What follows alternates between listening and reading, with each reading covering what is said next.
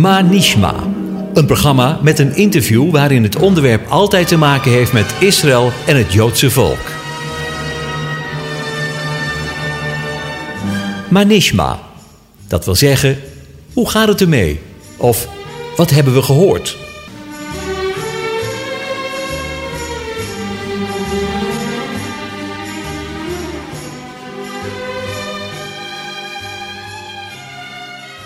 Shalom, luisteraars. Welkom bij het programma Manisma. Vandaag ga ik in gesprek met Robert Berns. Uh, we kennen elkaar van Radio Israël, waar Robert uh, een van de presentatoren is van het Leerhuis. Hoort hem ongeveer één keer in de vijf weken. Maar de aanleiding van dit gesprek is dat Robert betrokken is bij het Huis van Gebed, Elim, in Rotterdam. Welkom, Robert. Manishma. Manishma, bezellig. Het gaat, Ja. gaat ons goed. Gaat goed met je? Het gaat goed met mij, met mijn gezin. Mooi, goed om te horen.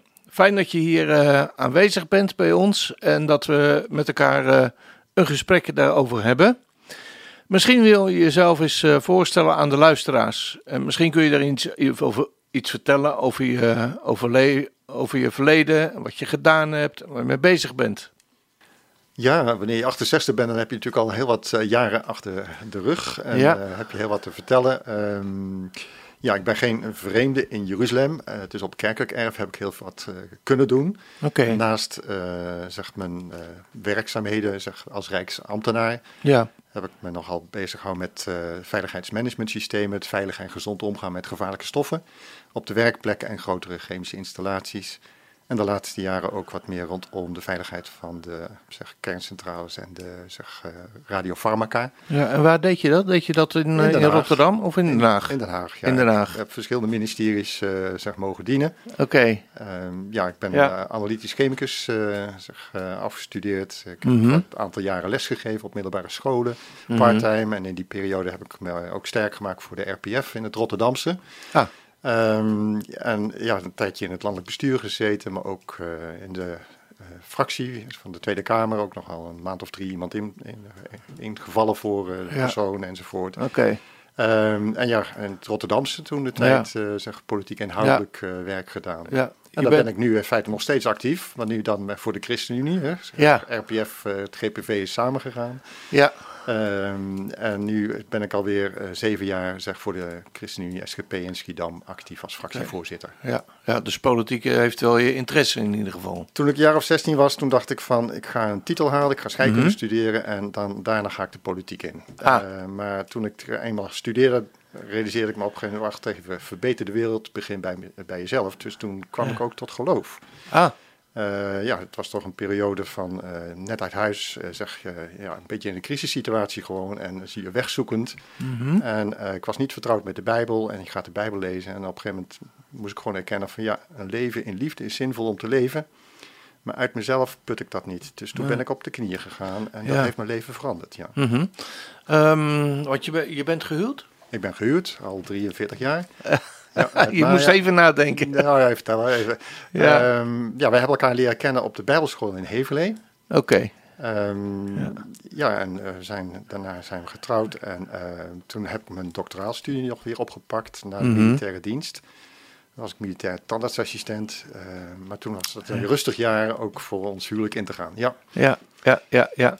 En ehm, je zegt, ik ben eigenlijk helemaal niet opgevoed met, ja, met de Bijbel, met het geloof.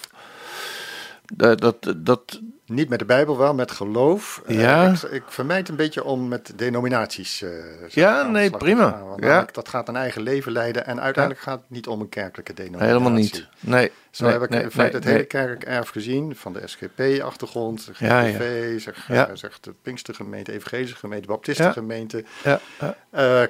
katholieke. het- ik heb het hele erf Ja. heb ik mogen zien, van binnen en van buiten. En dat heeft me wel op een gegeven moment vragen eh, opgeleverd, zo van, Heere God, u bent toch even iets groter dan ons gezwoeg en Mhm. gezweet. Nou en of. Wat missen wij? Waar missen wij Ja. uw zegen? Ja, En toen ben ik de. Bijbel opnieuw gaan lezen. oké. En toen ontdekte ik van waarom wij ook de zegen op een aantal punten gewoon missen. Ja. Even om terug te gaan, want eh, hoe, hoe iemand uiteindelijk eh, tot het geloof komt, dat, dat intrigeert me altijd. eh. Kun je daar iets over, wil je daar iets over zeggen?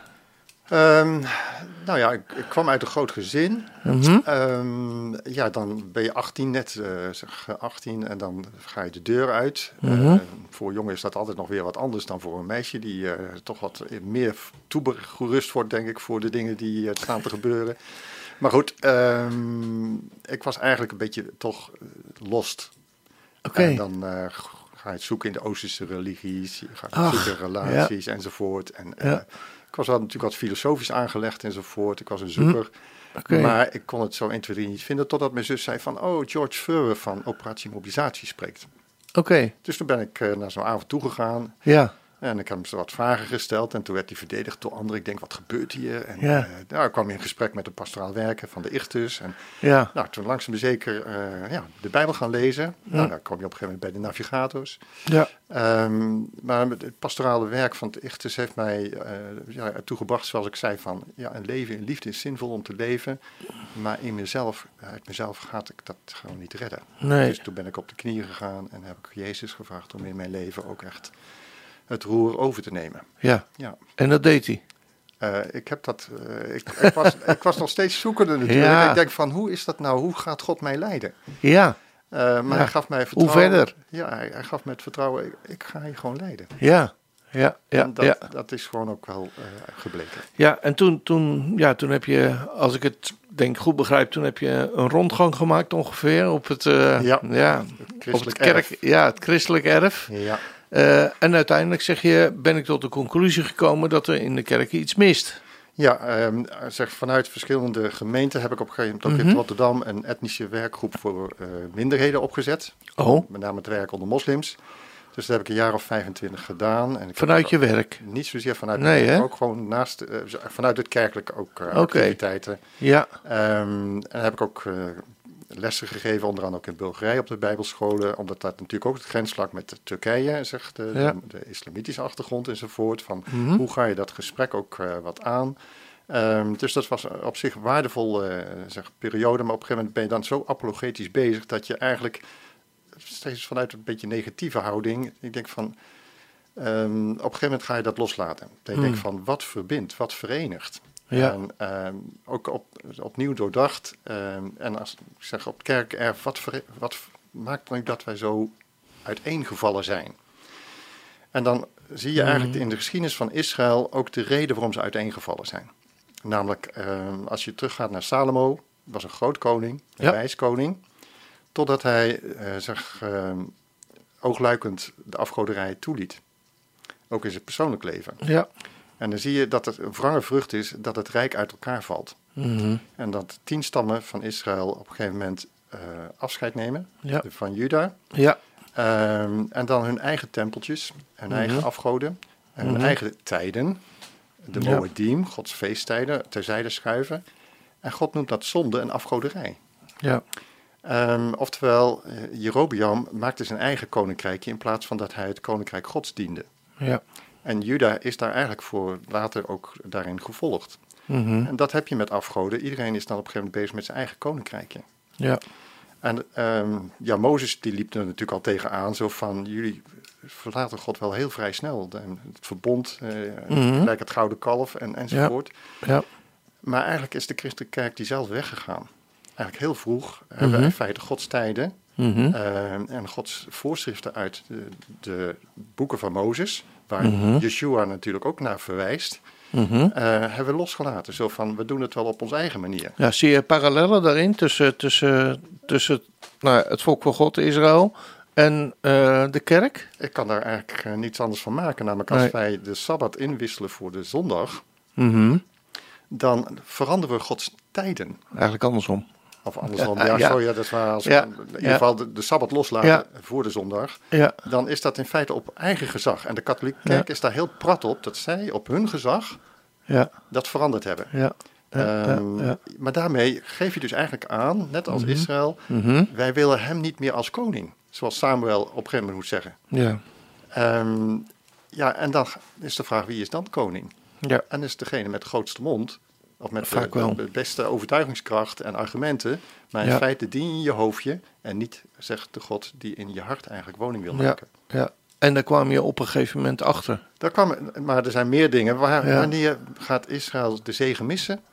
Mhm. Door afgoderij. Dat zie je ook als ze net het Mhm. beloofd land in willen gaan. Dan worden ze door zeg, eh Biliam natuurlijk eh, misleid. Ja, eh, om zich te misgaan. Mhm. Met afgoderij en hoererij, dat Ja. zie je vaak samenkomen. Trouwens, Ja. in deze samenleving is hoererij ook gewoon van, nou, dat is toch normaal. Maar in feite is het dienen van afgoden. ja, Oftewel, dan zeggen we, zetten we God eigenlijk aan, aan de kant. ja. Maar eh, is het ook niet zo dat, ehm, dat ehm, ehm, de kerk in de afgelopen eeuwen ook heel veel zegen ontvangen heeft?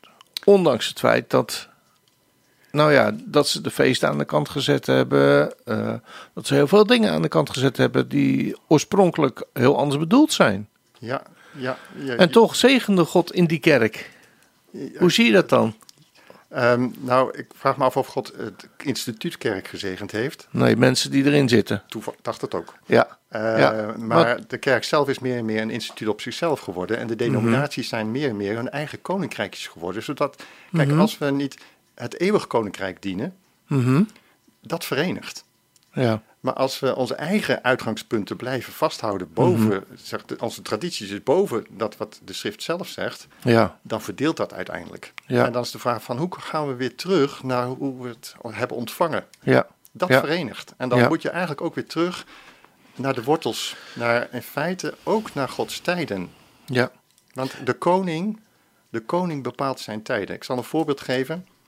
De eerste regeringsstaat van Beatrix Mhm. was van Koninginnedag zal zijn op Koninginnedag. Koninginnedag. Ja. En dan denk je van, nou, big deal hoor. ja. Maar het gaat, het gaat erom dat zij zegt van, ik ga over mijn agenda. Uh-huh. Het eerste wat Willem-Alexander doet is, Uh-huh. zegt van, Koningsdag zal zijn. En dan zeg je, ja, big deal. Ja. Maar hij zegt, ik ga over mijn agenda. En als je mij wil ontmoeten, Mhm. dan is het niet de volgende dag. Ja. Dan is het op de Sabbat. Ja. Ja. Ehm, en de, nou ja, goed, dat heeft zich in, natuurlijk in je denken in, eh, in, ja, in een bepaalde periode ontwikkeld. Ehm, ik proef er een beetje uit dat je jezelf ook echt wel ehm, eh, thuis voelt bij, laten we het maar even zo zeggen, eh, de Messiaanse beweging. Of zeg ik dat verkeerd? Nou ja, de Messiaanse beweging, ook daar zit het gevaar dat het weer een denominatie wordt. Mhm. En daar kun je wel weer terug naar de uitgangspunten. Ja, Maar de kerkelijke structuur blijft daar. En die kerkelijke structuur, daar moet je ook kritisch naar kijken. ja. In feite is daar ook het nodige in gekomen, waar zeg openbaring ook van zegt van, eh, dat zou je van moeten bekeren. Hm. We hebben daar een bepaalde hiërarchie in gebracht die niet bijbels is. Kun je er iets van, eh, iets van concreter in zijn voor mij? Oh, je, je daagt me uit. Ja. eh, Oké, oké, oké. Ja, Ehm, Nou ja, de leer der Nicolaïten. ja. Oftewel Nico, eh, Laos, oftewel overheersen van het volk. Mhm. Er is een bepaalde hiërarchie ingekomen. Mhm. Ehm, Ook bij de Messiaanse beweging, vind je? Omdat de, de, Bijbelse, de Bijbelse structuur hebben we Mhm. nog niet zomaar teruggevonden. Yeshua zegt van, één is uw meester, gij zijt alle Ja. broeders. Dat was Ja. het uitgangspunt van Calvijn. Ja, Maar hoe snel zijn we dat eigenlijk vergeten? We, ja houd erover op. Ja, en- maar in feite, we hebben diverse geestelijke gaven in de gemeente. We hebben ze Mhm. allemaal nodig om Gods wil te verstaan. Ja, Maar we hebben het leerambt wel erg bijzonder gemaakt. ja, En ja, we hebben toch de gave van geven en de gave van barmhartigheid en de gave van profetie en de gave Mhm. van dienen en de gave van... Ja. eh, hebben we gewoon allemaal nodig, staat er, Mhm. om Gods wil te samen te verstaan. ja, En dan, wie zal zich dan boven de een en de ander verheffen? Mhm. En dat zit er dus zomaar in vanuit het, ook het werken van het vlees. ja, En dan proberen we zeg, met theologische opleidingen enzovoort, zeg, Mhm. met management. eh, maar uiteindelijk is het het werk van Gods geest en Ja. niet het werk van ons. nee, dat is ook zo. Ja, Dus ik, maar ik maak daar dus, ik heb daar wat, mm, en ik zie dat in alle denominaties, dat we een bepaalde structuur gewoon van elkaar overnemen. ja, En vanuit de weeromstuit eh, zetten we ons tegen elkaar af. ja, En het, het breekt, het de, niet. eenheid, het breekt Ja. de eenheid af. absoluut. Maar blijkbaar hebben we daar een soort van behoefte aan, denk ik soms wel eens. Het werken van het vlees, Ja, zegt, zegt Paulus in de, de gelaten brief. En het is spijtig genoeg om dat te constateren. En daarom zeg ik van, ja, ook wij hebben ons, zoals de, de, de zeven gemeenten, in, in openbaring, Mhm. zegt Yeshua ook van, bekeer daar nou van? Ja, ja, klopt. Ja, dus de, ik, ik wil het even terugdraaien nog, want Sorry, eh, ja, ik, daar ga- ik, ik, helemaal niet erg. ja, oké. Helemaal niet erg. Ehm, het, eigenlijk datgene wat er in, de, in, de, in het Jodendom is gebeurd, in de, onder Israël, dat heeft zich eigenlijk ook, ehm, heeft dat ook plaatsgevonden binnen de kerken, traditionele kerken, laat ik het zo maar eventjes zeggen. ja. Eh, en eh, wa- waar we dan de evangelische gemeentes ook maar eventjes eh gemakshalve bij, eh, Ja, bij, bij plaatsen. Maar dat zien we eigenlijk ook natuurlijk een beetje binnen de Messiaanse gemeentes. We ook, ook nog wel wat denominaties te benoemen zijn, denk ik. Hè? precies. Ja, En menige Ja. Messiaanse gemeente ziet ook niet het belang van het, eh, het houden van de Moadim. Mhm. Pasen, Pesach dan nog Ja. wel. En, en Ja. Javoort, wekenfeest. ja, Eh, ja, Matzot, eh, het feest van de Ja. broden vooruit. Ja, Maar het- ja. Feest van de eerstelingen, de eerstelingsscharven. Mhm. Eh, maar goed, nieuwe maan. de nieuwe maand, de Rosh Chodesh. Ja. Eh, want daarin bepaalt de, ja, zegt de koning ook, ga nou eens even zitten. Ik heb Ja. een paar dingen met je te delen. Ja, Maar vervolgens, de voorjaarsfeesten wijzen naar de najaarsfeesten. ja, En die zijn we kwijtgeraakt. Maar als je de profetieën wil verstaan, Mhm. het boek Openbaring is in feite een uitwerking van de najaarsfeesten. ja. En als je niet met Gods tijden leeft, Mhm. dan mis je in feite de profetische tijden. ja. Ja. Dus het is goed om eerst te doen en Ja. dan te horen. We moeten het gewoon doen. Ja, ja. nee, is, is ook zo. Maar goed, eh, ja, we zitten eigenlijk weer op een heel ander spoor al in het begin Oh, van dit. eh, nee, nee, nee, helemaal niet erg. Dat, eh, dat, het zijn mooie dingen om met elkaar zo eens over te hebben en te benoemen naar elkaar toe. Maar we zitten hier uiteindelijk voor, voor- voor een interview met het Huis van Gebed, Elim. Ehm nou, je hebt iets verteld over hoe je tot geloof gekomen bent en eh, nou, dat je ook echt een, eh, een zoeker bent. Je, we zeiden het al, je bent betrokken bij het Huis van eh, Gebed in Rotterdam. Hoe ben je daar betrokken bij geraakt? En nou, ja, straks vraag ik nog eventjes wat, wat dat precies doet. Oké. Ehm, Elim, Huis van Gebed. Ja. Ja, dat is in feite in 2005 geopend Mhm. ehm, door zeg, Wim van Duivenbode. Eh, die Wie was had- Wim van Duivenbode? Wim van Duivenbode, ja. ehm, hij werkt eh, zeg, voor Akepe, ehm, maar had ook een hart voor Rotterdam. Mhm. Ehm, wij kenden elkaar van het stadsgebed van Rotterdam. We hebben jaren voor Rotterdam ook gebeden, ook eh, het stadsgebed geleid in de Scots Church. Mhm. Ehm, Wim van Duivenbode heeft onder andere ook ehm, zeg, in Duitsland contact gelegd met wat eh, voorgangers ehm, in Berlijn. Mhm. zijn uiteindelijk ook naar eh, de Laurenskerk in Rotterdam gekomen. Hebben in feite hun excuses ook aangeboden voor wat er in de Tweede Wereldoorlog over Rotterdam is gekomen. Ja. En hebben dat ook in t- de Scots Church eh, ook eh, excuses nog eh, echt vergeving gevraagd. En dat soort momenten dat herstelt. Mhm. Ehm, Wim had het op zijn hart om ehm, een beweging van verootmoediging meer naar voren toe te halen. Eh, Verootmoediging voor? verootmoediging gewoon als christenen. Ja. We, hadden, we, hebben, we hebben het daarnet gehad over eh Ja. verdeeldheid enzovoort. Ja. Er is van alles nog wat eh, waar we ons hebben over te hebben van moedigen. Maar als je daar aan begint, eh, daar werd hij eigenlijk bij bepaald van... ja, maar dan heeft Israël ook zomaar een plek. Mhm. Dus ehm, ja, de- ze zochten dus een huis van gebed. En op een wonderlijke wijze kwamen ze toen zeg, op het Noordereiland, het hart van Rotterdam. Ja.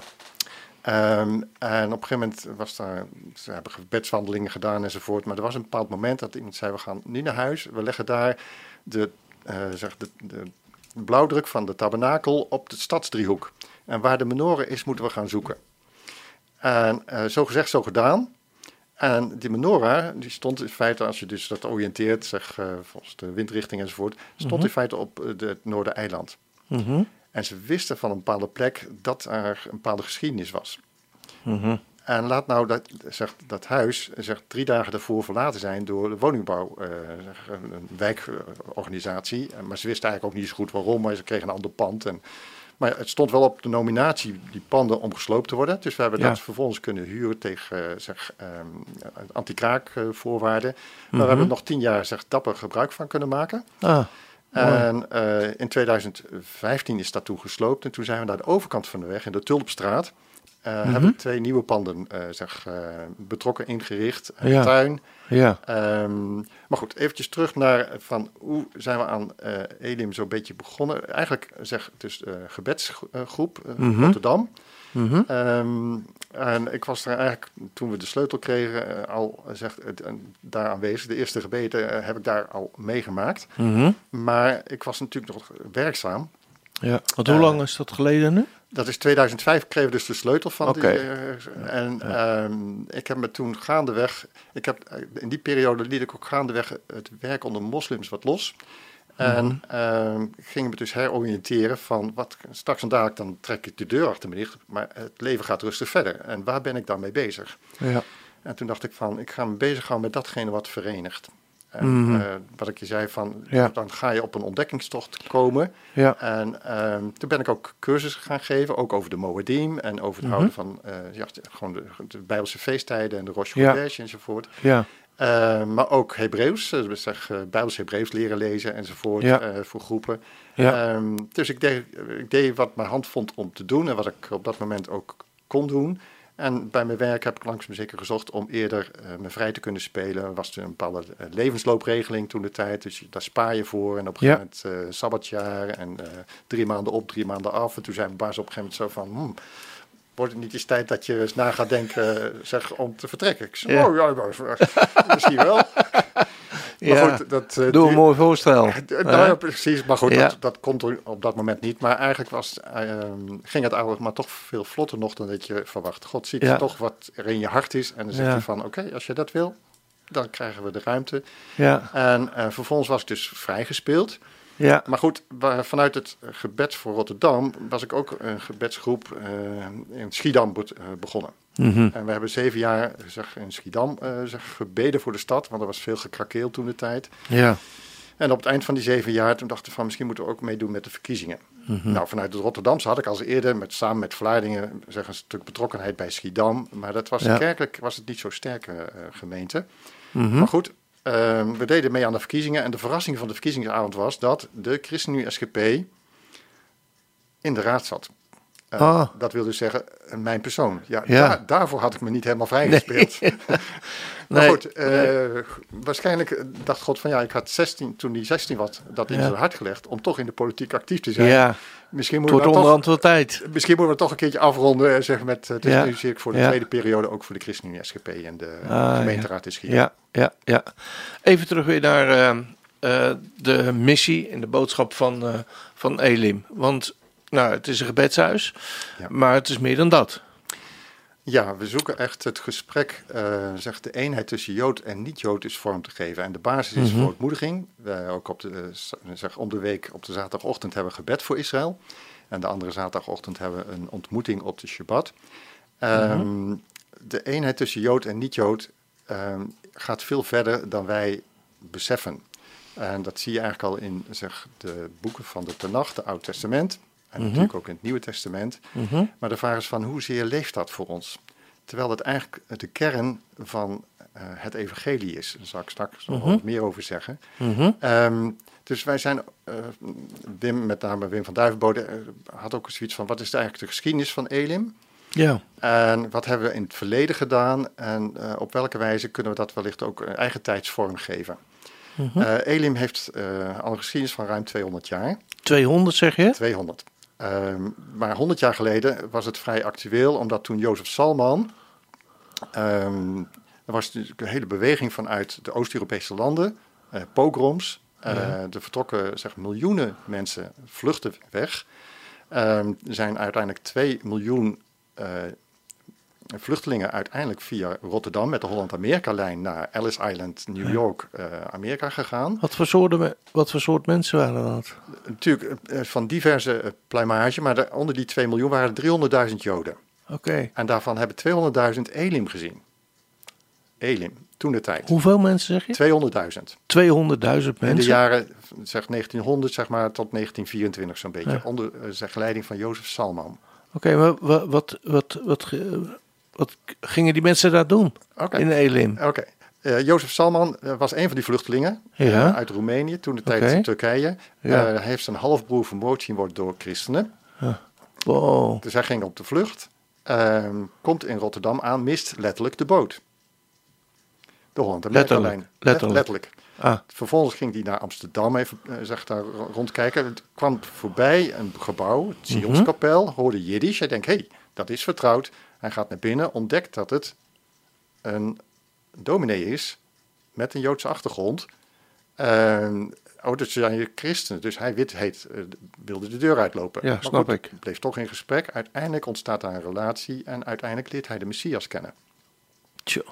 En welke, welke tijd hebben, spreken we Dat dan? is eh 1895, 1898 zo'n Oké, beetje. ja. ja. Ja, Eh, dat is meer dan vervolgens, een eeuw geleden, ja. Dat is een eeuw geleden. Ja. Eh, vervolgens gaat hij terug naar Rotterdam. Mhm. Maar heeft dan in feite al contact met ehm, de London Society. Of zeg de Churches Ministry Among Jews. Mhm. En die waren 100 jaar geleden al begonnen in het Rotterdamse. Mhm. Het was eigenlijk na de, dan moeten we even terug naar de Franse Revolutie. In feite, Ja. maar dan voor iedereen. En Ja. Napoleon eh, maakte zich ook sterk dat ook Joden gelijke burgerrechten kregen. Maar vervolgens kwam er dus ook een evangelisatiebeweging op. Mhm. Ja. Namelijk iedereen had dus de vrije keuze, een eerlijke vrije keuze om te kiezen. Wat, Ja. Welke weg gaat je Ja. enzovoort. Dus er kwam evangelisatiebeweging in Londen met name ook. En, eh, maar na een aantal jaren, jaren vijf, zeiden ze van ja, maar eerst voor de Jood, ook voor de niet-Jood. Mhm. Dus eh, we moeten in feite ook eh, zeg, ehm, het evangelie uitdragen naar Joden toe. Ja. Dus toen zijn ze daar begonnen. En vervolgens na twee, drie jaar dachten ze van ja, maar dan moeten we ook op het vasteland moeten we dat uitdragen. Dus Ja. zijn ze eerst naar Rotterdam toe gegaan, toen naar Mhm. Amsterdam, toen naar Hamburg en toen naar Sint-Petersburg. En toen is in feite de London Society begonnen in 1818 in het Rotterdamse. En heeft daar dus ook Messiaans beleidende Jood in feite zeg, het evangelie gedeeld met de Joodse gemeenschap daar. Ja. Eh, maar dat heeft dus eh, zeg, eh, een jaar of tachtig zeg, geduurd en opgebouwd. En toen kwam op een gegeven moment Jozef Salman. Mhm. En die zag de waarde in feite van zeg, een stuk opvang. Mhm. En ze kwamen daar natuurlijk berooid en gehavend. En, en ja, wat hadden ze? Alleen maar de kleding aan het lijf. Ja, En zoals- misschien nog een koffer. misschien, ja, net Ja. de oliem van tegenwoordig. Of, Ja. zeg, Ja. enzovoort. Ehm, dus in ehm, ja, het Noordereiland, het hart van Rotterdam, ehm, hebben ze dus een huis gekocht. Ja. En hebben ze in feite een leeszaal, eh, een bak thee, eh, eh, eh, kleding. Eh, ze zijn gewoon hulpverlening gaan eh, doen voor vluchtelingen. Ja. Ehm, en vervolgens is daar een toch een beweging eh, uit ontstaan. Eh, je had het Elimcentje, zeg, er werd cent opgehaald enzovoort voor, om die ondersteuning te doen. Het was een landelijke beweging, er waren Mhm. breikringen enzovoort. Mhm. Uiteindelijk zijn er ook toogdagen geweest in Lommerrijk. En eh, nou, een hele geschiedenis. Ja. Ehm, kom, oh ja, we gaan eventjes terug, namelijk van wat deden ze toen? Ze deden dus gewoon ook praktische hulpverlening. Dus wij Aan- zijn ook aan in- Joden. ja, en dat doen we dus ook in Elim. Eh, hoe doen we dat? Nou, eh, heb- dus wat we gedaan hebben onder andere is van ehm, de Joodse begraafplaats eh, op de Oostzeedijk hebben we zeg, op een gegeven moment samen met Stichting Boete en Verzoening opgeknapt. Mhm. En zo af en toe doen we dat ook nog wel op het toepad. Ehm, maar met name zijn we ook weer kledingwerk gaan oppakken. Zeg, eh, dus kleding, eh, goede kleding uitsorteren enzovoort. En dat gaat dan naar Gamoe, naar Gamoe Ami in Renswoude. En vervolgens daar gaat het zeg, verder zeg, naar het Jozef-project in, in Ja. Israël. Ja. En waarom zijn die dingen belangrijk? Nou, Paulus zegt natuurlijk ook van... ehm, als wij delen in hun geestelijke goederen... hoe Mhm. goed is het dan dat wij hen laten delen ook in onze materiële goederen? Ja. En ehm, als Paulus dan de broederhand krijgt van eh, zeg, eh, Johannes en Petrus, eh, van Jacobus en Petrus, dan zeggen ze van, we leggen je niets op. Ja. Helemaal niet. Je, je bent- Ja. je bent vrij man, Ja, maar, vrij. maar wacht even, één ding. Je moet de armen gedenken in Jeruzalem. Ja. En dan staat dat Paulus zegt, ik heb hem ook zeer beijverd dat te doen. En als je zijn leven volgt, zie je ook het eerste wat hij doet is van inzameling voor de armen in Jeruzalem. Mhm. En dan lees je in 2 Korinthe 8 en 9 van waarom dat zo belangrijk is. Vanwege dit getrouw beleiden van het evangelie. Mhm. Waarom denk je van, ja, maar wat is dan nou het delen van materiële goederen? Hoe zit dat dan met het Mhm. gedrag? In feite beleidt Paulus van, er is een eenheid tussen Jood en niet-Jood. Tussen Gods volk onder de volkeren en in Israël. Nou, dat is een mooie afsluiting, denk ik, eh, voor eh, het eerste gedeelte van, eh, van dit uur. We gaan even naar de muziek luisteren en dan eh, komen we zo weer terug. Beste luisteraars, bij het monteren van het programma is gebleken dat het interview uit de tijd is gelopen, waardoor de muziek er helaas niet meer tussen gemonteerd kon worden. Onze excuses ervoor. Dan gaan we nu weer verder met het interview. Ja, we zijn weer eh, terug bij, de, bij het gesprek en eh, hebben even genoten van de muziek. Eh, maar we waren uiteindelijk gebleven bij eh, de missie, min of meer, of de boodschap van, eh, van Elim of het Huis van Gebed. Ehm, en we hebben het gehad over vroeger. Hè, wat vroeger allemaal plaats heeft gevonden bij emigranten die, die vertrokken vanuit Rotterdam met de boot. Soms ook de boot ook echt misten. En wat, daar, wat God daarmee kan gebruiken. En ehm, ja, de missie in de boodschap van Elim of het Huis van Gebed. Ehm, hoe omschrijf je dat op, op dit moment? Wij, En zie je daar nog linken in met betrekking tot datgene wat het vroeger was? Dat is eigenlijk eh, de vraag. ehm, onze missie zien we als dat we moeten bijdragen aan het herstel van de relatie tussen Jood en niet-Jood. Er is Mhm. natuurlijk heel wat gebeurd de afgelopen 2000 jaar. Ja, Eh, enorm. En dan is de vraag van, eh, zien we van waarin dat en waarom dat eh, fout gegaan is? Mhm. Eh, ik heb al iets genoemd van dat we allemaal ons eigen koninkrijkje zoeken. Maar uiteindelijk zijn Jood en niet-Jood geroepen om samen het eeuwige koninkrijk te dienen. En ik kan me nog herinneren, zeg een jaar geleden heeft Shmuel Katz, een rabbijn, hier Mhm. ook een interview gehad. Ja. En hij eindigt zijn Bij gesprek Radio Israël. ja, en dan zegt hij op een gegeven moment, en dat vind ik opvallend, daar wil ik hem nog wel eens verder over doorvragen. Dan zegt hij ook dat de, zeg, de Eh, zeg, een voorbereiding zijn op het eeuwig koninkrijk. En dat heb ik nog niet een ander horen zeggen. Ja, Eh, dus daar wil ik hem nog eens verder over doorvragen hoe hij dat dan ook ziet. ja, Maar goed, ja. dat eventjes terzijde. ja. Ehm, even kijken, nou ben ik de draad natuurlijk van het verhaal De vraag was, was de missie van de boodschap van, eh, van, Oh ja. van Elim. In hoeverre wordt dat op dit moment voortgezet? Ja, nou, het herstel dus van de relatie tussen Jood en niet-Jood. Dus van Mhm. onze kant Mhm. willen wij in ieder geval aan dat herstel werken. Dus de, Ja. de obstakels, eh, Ja. de struikelblokken die opgeworpen zijn. Ehm, kijk, Yeshua zegt van, ik ben gekomen om de verloren kinderen Israëls te vergaderen en bijeen te brengen. Ja. En zeg ja, maar het gaat toch over de verloren kinderen Israëls. Nou, daar ga ik Mhm. straks nog iets meer over zeggen. Mhm. Want daar vallen wij ook onder, bijbels Mhm. gezien. Maar hij bracht, hij bracht ons bij, bijeen. En hij zegt hij ook van, ik heb de scheidsmuur, die scheiding maakte, de vijandschap tussen Jood en niet-Jood, heb ik weggenomen. Mhm. Ja, maar hij heeft toch wel een bijzondere roeping over zijn volk. Ja, nog Mhm. steeds. Mhm. Ehm, maar hij voegt ons eh, zegt, tot dat ene volk van Israël. Ook degene die zich toevoegen. Ook degene eh, zeg, die eh, de gabbers, de, de, ehm, hoe noem je, ja, de gabbers, gewoon zo wordt dat Ja. genoemd in Ezekiel Ja. 37. Die Ja. zich toevoegen ook eh, zeg, aan eh, Israël. Ja, maar er is nog nooit zo'n scheiding geweest haast tussen christenen en jodendom op dit moment. Dus die muurmuur, zoals die er staat, die staat er nog, Dat nog, bedoel ik. We nog hebben- even hoog. Hij heeft de muur geslecht Ja. en wij hebben weer muurtjes opgebouwd. En Ah. waarom? Omdat we ons eigen koninkrijkjes wel erg belangrijk vinden. Ja. Dat vonden toen de tijd natuurlijk eh, de diverse eh, groeperingen en secten en, en dergelijke Ja. vonden dat. Ja. eh, dat zij het moesten kunnen bepalen. Mhm. En later in de christelijke kerk is dat natuurlijk dunnetjes overgedaan. Ja, oftewel, we zijn nog steeds bezig om die scheidsmuren op te werpen. En dan zegt de schrift van bekeer je, richt je op het eeuwige koninkrijk. Ja, ja. Goed, nu zien we dat natuurlijk wel. Dat is misschien een beetje een scherpe vraag, maar daar, daar wil ik niet omheen. Nu zie je dat natuurlijk wel van, van sommige christenen die zich, eh, nou ja, die, die, die openstaan richting de Joden. De vervangingstheologie, die heeft denk ik wel zo ongeveer zijn laatste tijd gehad. Ehm, dat, zie je, dat zie je wat afkalven. Maar van Joodse kant, hoe, hoe zien we dat wel? Dat, dat er toenadering is van de Joden naar de christenen toe. Want er moet natuurlijk een tweewegenkant zijn. Dat, tenminste, dat lijkt mij. Ik, ik denk dat het Jodendom en het Christendom Uh-huh. eh, als eh, zeg, eh, koninkrijkjes elkaar niet zullen naderen.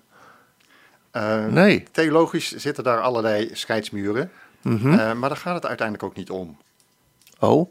Nee, uiteindelijk gaat het niet om van zeg, welke theologie je dient, maar de vraag is van ken je de koning der koningen Mhm. En dien je zijn koninkrijk. En dan haal je op een gegeven moment je theologische muurtjes zijn niet zozeer meer de bepalende factor. Ja, dat kunnen wij wel vinden. Maar een Jood vindt dat niet zo snel, denk ik. Oké, je hebt helemaal gelijk. Namelijk, eh, Juda en Ephraim hadden natuurlijk ook zo eh, af en toe behoorlijk bonje met elkaar. Ja.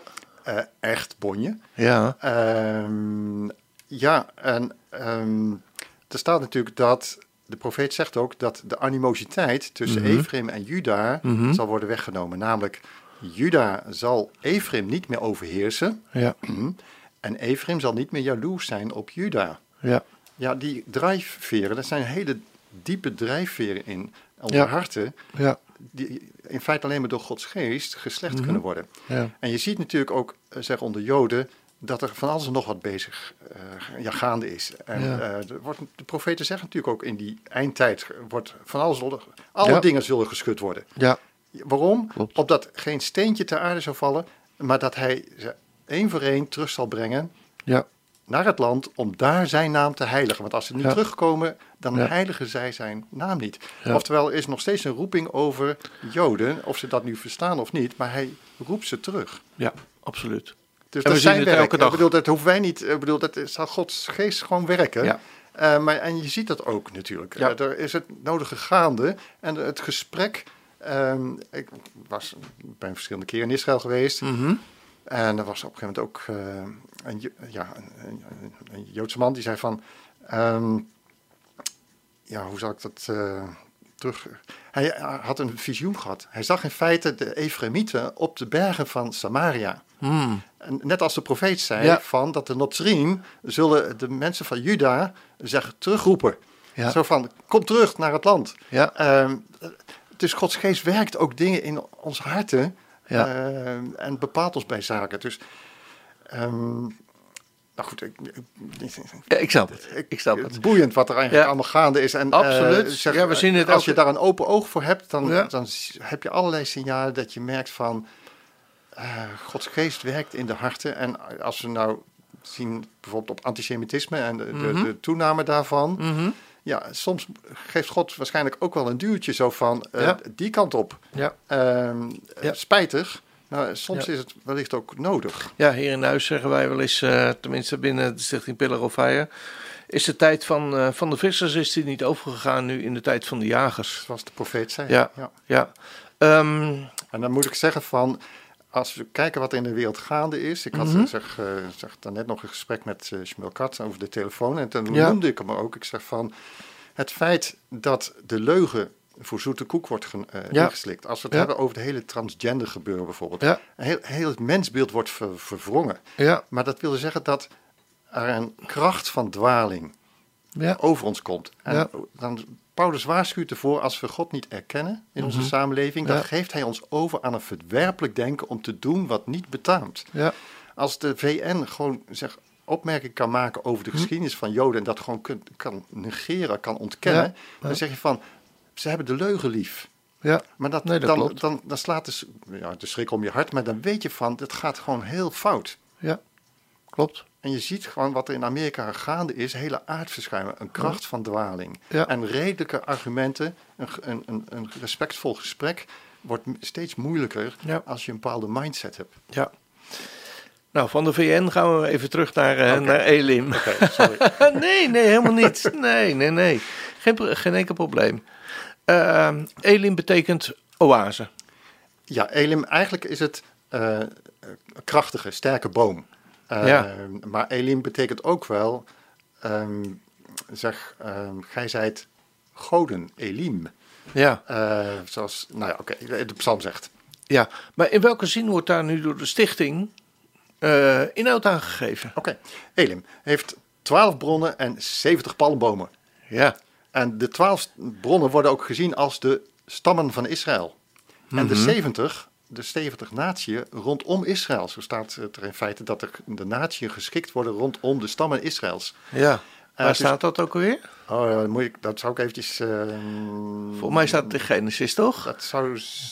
Ik, de, de profetie... nou, ik ik Nou. ben hem even kwijt. Geen, geen probleem. Maar zo wordt het wel gesteld. ja. Ehm, dus ook in Elim zie je van de volkeren Mhm. komen rondom de stammen Israëls ook bijeen. Oh, zo zie je dat. Ja, Ja. Ja, ja, en zo zie je dat de mi- min of meer de missie, dat en de naam. mensen uit de volkeren Ja, rondom Israël gaan staan. ja. Ja, mooi. mooi. Wat nou, we hebben dat al net een beetje in de praktijk ook eh, gehad. Hè? Dat, er worden, ehm, er worden allerlei acties eh, worden daarvoor gedaan. Activiteiten van, eh, van Elin vinden daar plaats. ja misschien nog één activiteit. Eh, zeg, we hebben op een gegeven moment ook voor Stichting Zikna Ja. van Shmuel Katz zeg, ehm, een drietal benefietavonden verzorgd. Ah, En Stichting Zikna zorgt in feite zeg, pastoraal voor Mhm. de, derde, de tweede en derde generatie Shoah-slachtoffers. mhm. Mensen die toch met trauma's van hun ouders ook nog mee worstelen. ja. Een stuk verbittering enzovoort. Dus ja. en er is echt pastorale zorg nodig. Dat realiseren we ons niet, maar dat is echt nodig. Mhm. Ehm, dus we hebben een drietal benefietavonden verzorgd. En op de tweede heeft Shmuel Katz toen aan de gemeente Rotterdam Mhm. een uh, Anne Frankboom, een stek van Anne Frankboom. Ja, daar wilde ik net even naartoe. Ja. Helemaal goed. Ja. Ehm, en eh, die heeft de gemeente Rotterdam toen in ontvangst genomen. Ja. Ja. Is opgekweekt. Ja. Maar goed, na verloop van tijd was natuurlijk toch van ja, die boom moet een keertje geplant worden. Ja. En ehm, dus toen heb ik eh, de mensen gezocht van ehm, Joodse liberale gemeente, de orthodoxe, libera- eh, orthodoxe synagoge, Mhm. eh, zeg van eh, Loods 24 en het Joods kindermonument, mensen bij elkaar geroepen, zo van willen we met elkaar nadenken wat een geschikte plek zou zijn. Om die boom om- te planten. om te- Dus toen hebben we verschillende mogelijkheden bekeken, samen ook met de stadsarchivaris. En toen kwamen we in eerste instantie bijvoorbeeld uit op de Breepleinkerk. Mhm. Waarom? Omdat daar een drietal Joodse gezinnen ondergedoken zijn geweest. En je hebt daar de Onderduikers Orgelzolder. Dat is een, Ah. een museumpje, terwijl er ook wel een gemeente is, een kerkelijke gemeente. Aha. Eh, maar goed, het was natuurlijk nogal kerkelijk. Dus dat was niet helemaal Nee. eh, waar de Joodse gemeenschap zich in kon vinden. Dus Nee. we zijn verder gaan zoeken. Ja. En toen kwamen we eigenlijk zeg, op eh, de hoek van het Wena en de Lijnbaan. Dat is het hart Mhm. van Rotterdam. Ja. Maar het was het voormalige hart van de Joodse wijk voor het bombardement. Oh, Dus het was een uitermate geschikte plek. Ja. Een mooi grasveldje enzovoort eh, de- tussen al de bedrijvigheden. En de- eigenlijk gemaakt voor zo'n boom. Eh, met elkaar hebben we daar dus op een gegeven moment... eh, ja. ook nog gezocht van, kunnen we daar een boombeschermer rondomheen doen met een Ja. bepaalde geschiedenis. hè, Ja. De, op, het bombardement en de opbouw weer enzovoort. En Ja. Ja. dus daar- we hebben goede gesprekken gevoerd.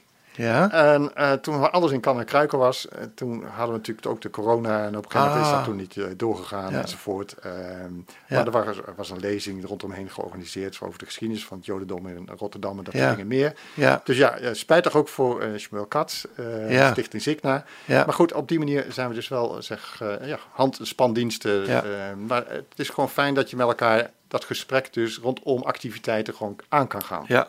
En intussen blijft de boom gewoon doorgroeien, neem ik aan. En daartussen, ja, voornamelijk uh, vervolgens zou die in november, uh, oktober, november geplaatst worden. Ja. Door de Ja, ja, uh, stadsarchivaris, zeg, de burgemeester. Mhm.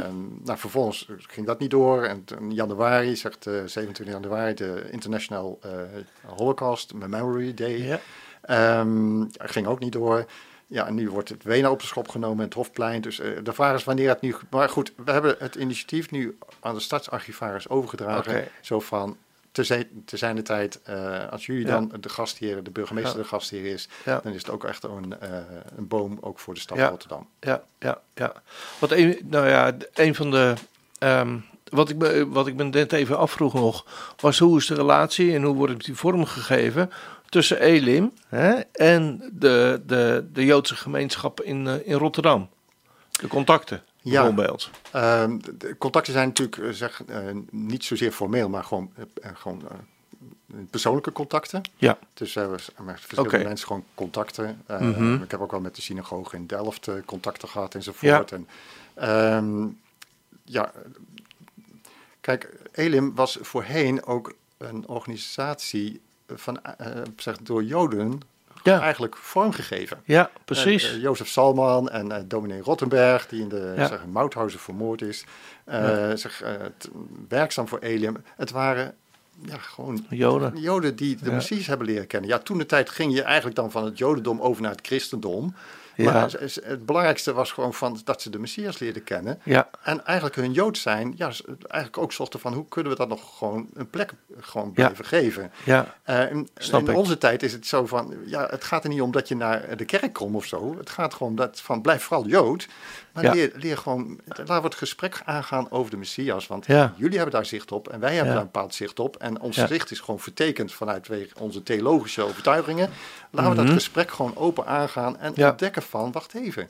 Want Ja. uiteindelijk moeten we toch met elkaar gaan zeggen, gezegend hij die komt in de naam van de Heer. Anders komt hij toch niet terug. Ja, ja. Maar is, is dat eigenlijk ook een soort nou ja, onderliggende missie van Elim? Van nou ja, eh, jullie, jullie eh, ja, vandaag juist in de tijd waarin we nu leven, willen jullie dat gesprek aan. Onder andere ook nou ja, met het Joodse volk, laat ik het zo maar zeggen. Maar zit er een bepaalde, be- sorry voor het woord, bekeringsdrang achter? Van nou, ze moeten. Wat ik in feite pro- probeer te zeggen, ik heb niet zoveel met denominaties, integendeel. We Nee, hebben- dat hebben- snap ik. We hebben allemaal iets met het koninkrijk gods, als het goed is. Ja. Dat, Ja. dat verenigt ons. En als we daarover met elkaar in gesprek kunnen zijn, Mhm. ik, ik heb geen behoefte om iemand te bekeren. Dat is, eh, als het aan mij zou liggen, zou dat een hele verkeerde zaak zijn. Mhm. Uiteindelijk is het Ja. het werk van Gods geest, maar dat is een bekering naar hem toe. Ja. Niet naar de een of andere Snap ik. Uh, of daar heb ik echt een gruwelijke hekel aan. Dus Ja, net zo'n je- hekel als Joden. nou, dat is dan voldoende. Ja. Duidelijk. bewezen. ja, ja. Dus jullie lopen niet met het Johannes-evangelie naar de Joden toe. Is veel, ik heb een goede boodschap voor je. Nee, eh, bedoel, laten, laten we samen zeggen. ah, Yeshua Precies. zegt ook van, als ze Mozes niet geloven, Ja, zullen ze mij ook niet geloven. nee, En Mozes verwees in feite naar de profeet die na Ja. hem zou komen. Hoor Ja. naar hem. ja, En ook op andere plaatsen natuurlijk. En eh, ja, we zullen me- samen moeten luisteren naar Mozes en. Yeshua. ja. Goed. Duidelijk. Voor mij in ieder geval. Mochten er mensen vragen over hebben, altijd welkom. Welkom, welkom. Helpen, precies.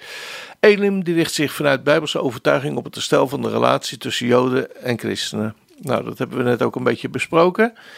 En op het samen terugkeren naar het onderwijs en de voorschriften van Jezus de Messias door Mozes en alle profeten. Ik lees even een stukje ja. van de visie van de. Maar ehm, hoe, hoe, hoe bedoelen jullie dat? En hoe, hoe zie je de relatie tussen de voorschriften van Yeshua? Zoals je zegt, dat zijn voorschriften aan de ene kant. En de genade die wij ontvangen hebben. Oké. Een hele andere vraag. Een beetje een theologische vraag misschien. Oké, oké. Ja, namelijk in onze christelijke theologie hebben wij natuurlijk een eh, scheiding gemaakt tussen genade en wet. Ja. Eh, omdat het Griekse denken, Mhm. nomos, wet, nogal juridisch ingekleurd is. Wat bedoel je, wat bedoel je met, even voor de luisteraars. Ja. Nou ja, wij zijn misschien een beetje ingewijd erin. Maar wat bedoel je nou eigenlijk het Griekse denken? Nou ja, zeg. eh, het Griekse Ja. denken, ja. ehm, ook de Nieuw-Testamentische geschriften komt Ja. meer en meer naar boven toe. Dat ze in Ja. feite zeg, Hebreeuwse eh, zeg, grondtekst hebben. Ja. Eh, maar vervolgens zijn die ook in het Grieks vertaald. Mhm. Eh, maar de Griekse context is toch even iets anders dan zegt de Joodse Hebreeuwse context. Waarin verschilt dat? Ehm, nou ja, het is op zich al bijzonder dat ehm, ook de Joodse geschriften, ook eh, zeg de Septuaginta enzovoort, het Hebreeuws in het Mhm. Grieks vertaald is. Er Mhm. zijn wel zeg ehm, raakvlakken. Oh, want ook bijvoorbeeld in het Grieks heb je de letters, die stellen ook getallen voor. En ook, dat heb je ook Ja. in het Hebreeuws enzovoort. Ja. Maar de eenheid eh, zeg, in het Hebreeuws, eh, in het Hebreeuwse eh, taal is eigenlijk veel groter dan in het Grieks. Ehm het is best bijzonder om even bij stil te staan. Namelijk in het Hebreeuws, ehm, als Adam de dieren een naam geeft, Mhm. dan geeft het Hebreeuws de identiteit, het wezen aan. Dus die letters die doen wat. Ja. Wij hebben een taal met naar de Babylonische spraakverwarring. Wij Mhm. maken afspraken. Dit is een microfoon. Hm. Ja, mijn microfoon zegt op zich nog niks. Maar als in het Hebreeuws, als je dat zou zoeken van hoe, hoe zou je dat aanduiden, dan zegt het, de letters zeggen in feite wat het doet. Ja. Wat betekent dat, dat voor het Grieks denken voor vandaag de dag? Nou, dat het in feite dus uh, menselijke constructen uiteindelijk zijn die we met elkaar communiceren. Mhm. Je maakt afspraken over woorden. Een tafel, als ik het heb over een tafel, heb jij een ander beeld even dan ik. Mhm. Terwijl in het Hebreeuws is het gewoon door het woord eenduidiger. Ah, Daarom staat ook die Babylonische spraakverwarring mhm. is best uh, een punt. En dus uiteindelijk zegt Stefanje ook weer dat we dat allemaal weer naar die ene reine taal zullen gaan en daarmee een paar God zullen dienen. Ja. Oftewel ook onze ideeën gaan weer terug meer naar een stuk eenheid zoals God het bedoeld heeft. ja. Even een grapje tussendoor. Ik Ja? heb eh, eh, vrienden uit Roemenië. En dat zijn ook gelovige mensen. En eh, daar praten we wel eens over met elkaar. En dan, dan zeggen zij, ja, maar dan verstaan we soms elkaar niet zo goed. Zeggen ze, nou, straks is het opgelost. In de hemel spreken we allemaal Roemeens. Kijk, Maar ik hoor nou van jou dat het Hebreeuws zou zijn. nou daar, heb ik ook wel duidelijke overtuiging over. Namelijk als Ja. Yeshua Saulus Ja, in zijn nekvel grijpt, ja, dan zegt hij Saulus in feite van, eh Heere, wie bent gij? ja. En dan zegt hij van, ik ben Yeshua, Mhm, de Nazarener. mhm. En dan staat er in het Hebreeuws. Ja, Wij hebben het vertaald met Aramees. Waarom? Omdat de wetenschap zegt, ja, ze spraken toen Aramees. ja. Nee dus, er staat gewoon Hebreeuws in de grondtekst. mhm, Maar uit de hemel zegt Yeshua in het Hebreeuws tegen Saulus, ja. ik ben Yeshua, de Nazarener. mhm. En dan kom je eigenlijk op de naam van Yeshua, de Mhm. Nazarener. Waarom? Als dat, dan denken wij, oh ja, hij zei van, ja, ik kom van Nazareth. Mhm. Nee, we moeten andersom redeneren. Namelijk, hoe Ja. zegt het er? Staat het? Hij moest in Nazareth gaan wonen, opdat hij een Nazarener genoemd zou worden. Ja, En wat is een Nazarener? Nazar, de wortel is hoeder. Job 7, vers 20 zegt van, hij is de mensenhoeder. Ehm, maar in Nazar zit ook de wortel netzer. En Ja. netzer is wortel. ja. Dus als de blinde op een gegeven moment Yeshua langs wordt komen, dan zegt hij, Jezus de Nazarener, zonen Davids.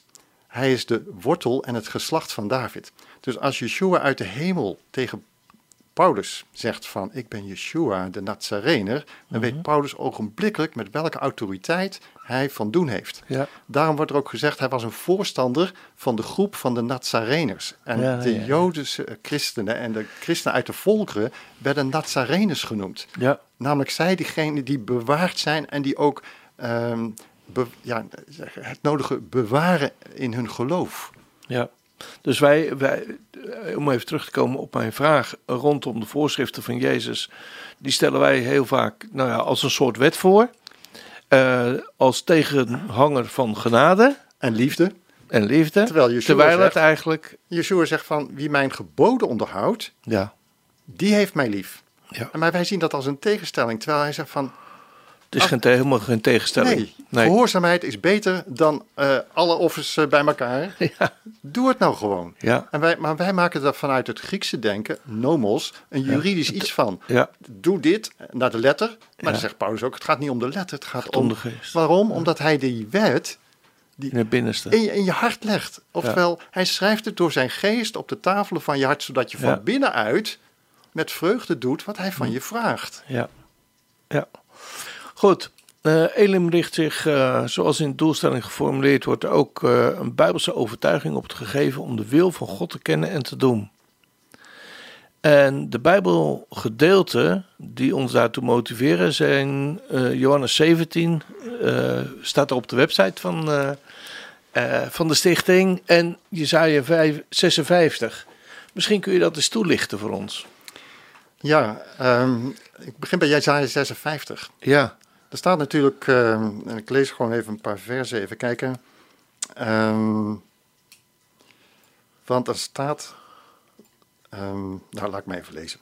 Zo zegt de Heer, onderhoud het recht en doet gerechtigheid, want mijn heil staat gereed om te komen en mijn gerechtigheid om zich te openbaren. Welzalig de sterveling die dit doet en het mensenkind dat daaraan vasthoudt, die acht geeft op de Sabbat zodat hij hem niet ontheiligt en acht geeft op zijn hand, zodat zij niets kwaads doet. Nou, zullen we zeggen van, nou, dat is toch voor de Israëliet. Nee, vers 3 staat gaan, laat dan de vreemdeling die zich bij de heren aansloot, dus je sluit je aan bij de heren, je sluit je niet aan bij het jodendom of zo, je sluit je aan bij de heren. Mhm.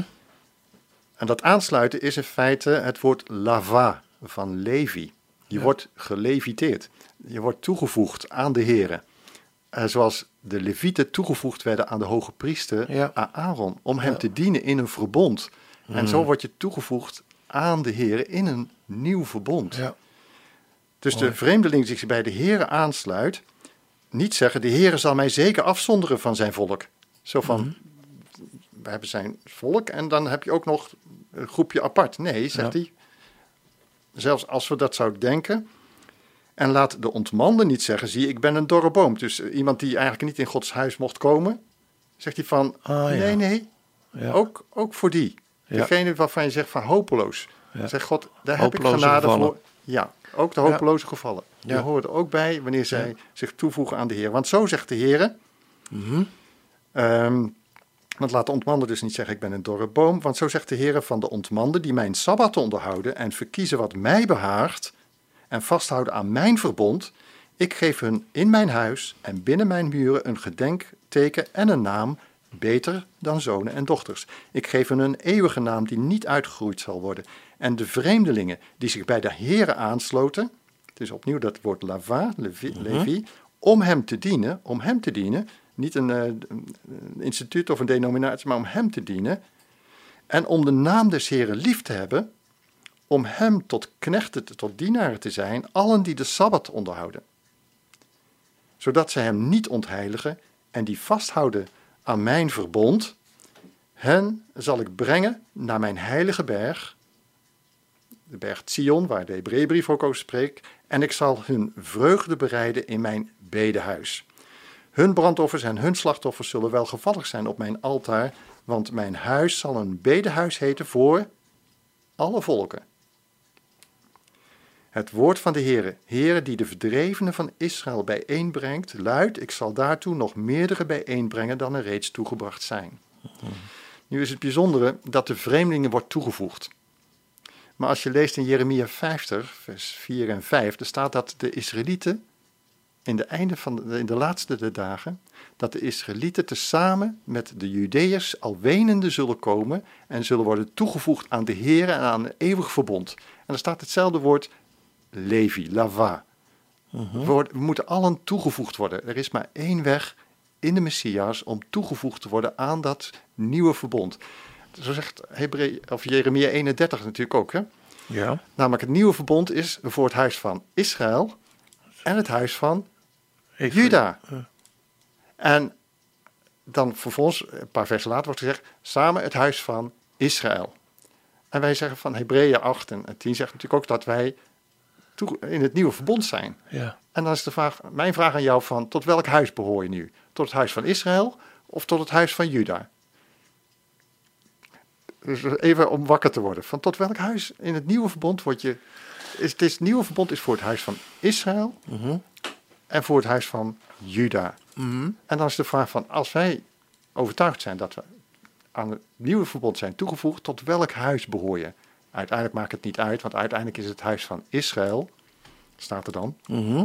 En in, Efe- of in Ezekiel 37, want je noemde even Ephraim, Mhm. daar staat natuurlijk van, er zijn twee houten in de handen Ja, van de ja, profeet. ja. En in die profeetse hand is zo van, ehm, het, op de, de ene stond het Juda en op de andere Ephraim, Ja. met hun gabbers, met hun metgezellen. Mhm. Ja. Ja, wij zijn de gabbers, om het zo te zeggen. Metgezellen. En in de hand van de profeet is het echadim. Zijn er Mhm. twee eenheden. En dan Mhm. moet de profeet het in de handen van God leggen. En Mhm. in Gods hand wordt het echad. Mhm. Oftewel, sommige dingen moeten wij doen, is onze verantwoordelijkheid. Namelijk laten wij de eenheid zoeken, onderling, voor zover mogelijk. Maar uiteindelijk, de echte eenheid tussen Juda en Ephraim en de gabbers die bij, Mhm. is Gods werk. Oké. En dat moeten we ook in zijn hand overlaten. Dus eh, de een naar de ander zegt: Kom in ons kamp. Eh, ja, dat is oud denken, Ja. eh, wat uiteindelijk door Gods geest echt weggenomen wordt uit onze harten. Ja. Nou, dat is een mooie afsluiting deze, voor eh, deze aflevering, denk ik. Nou, we zijn nog lang niet uitgepraat, denk ik. De, weet je, we spreken af dat we een, een tweede uitzending doen met, over dit onderwerp. Dankjewel, ik zie er naar uit. Prima, helemaal goed.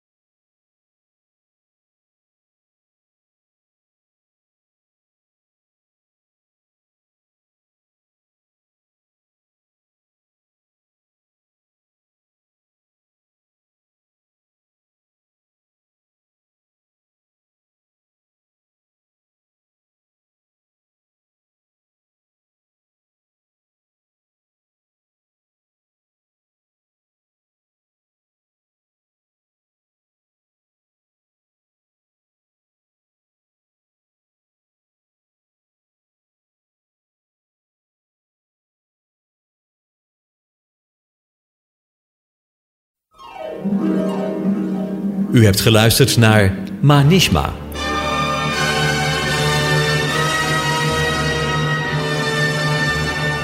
Een programma met een interview waarin het onderwerp altijd te maken heeft met Israël en het Joodse volk. Presentatie Jack van der Tang. Wilt u het programma nog eens naluisteren? Dan kan dat.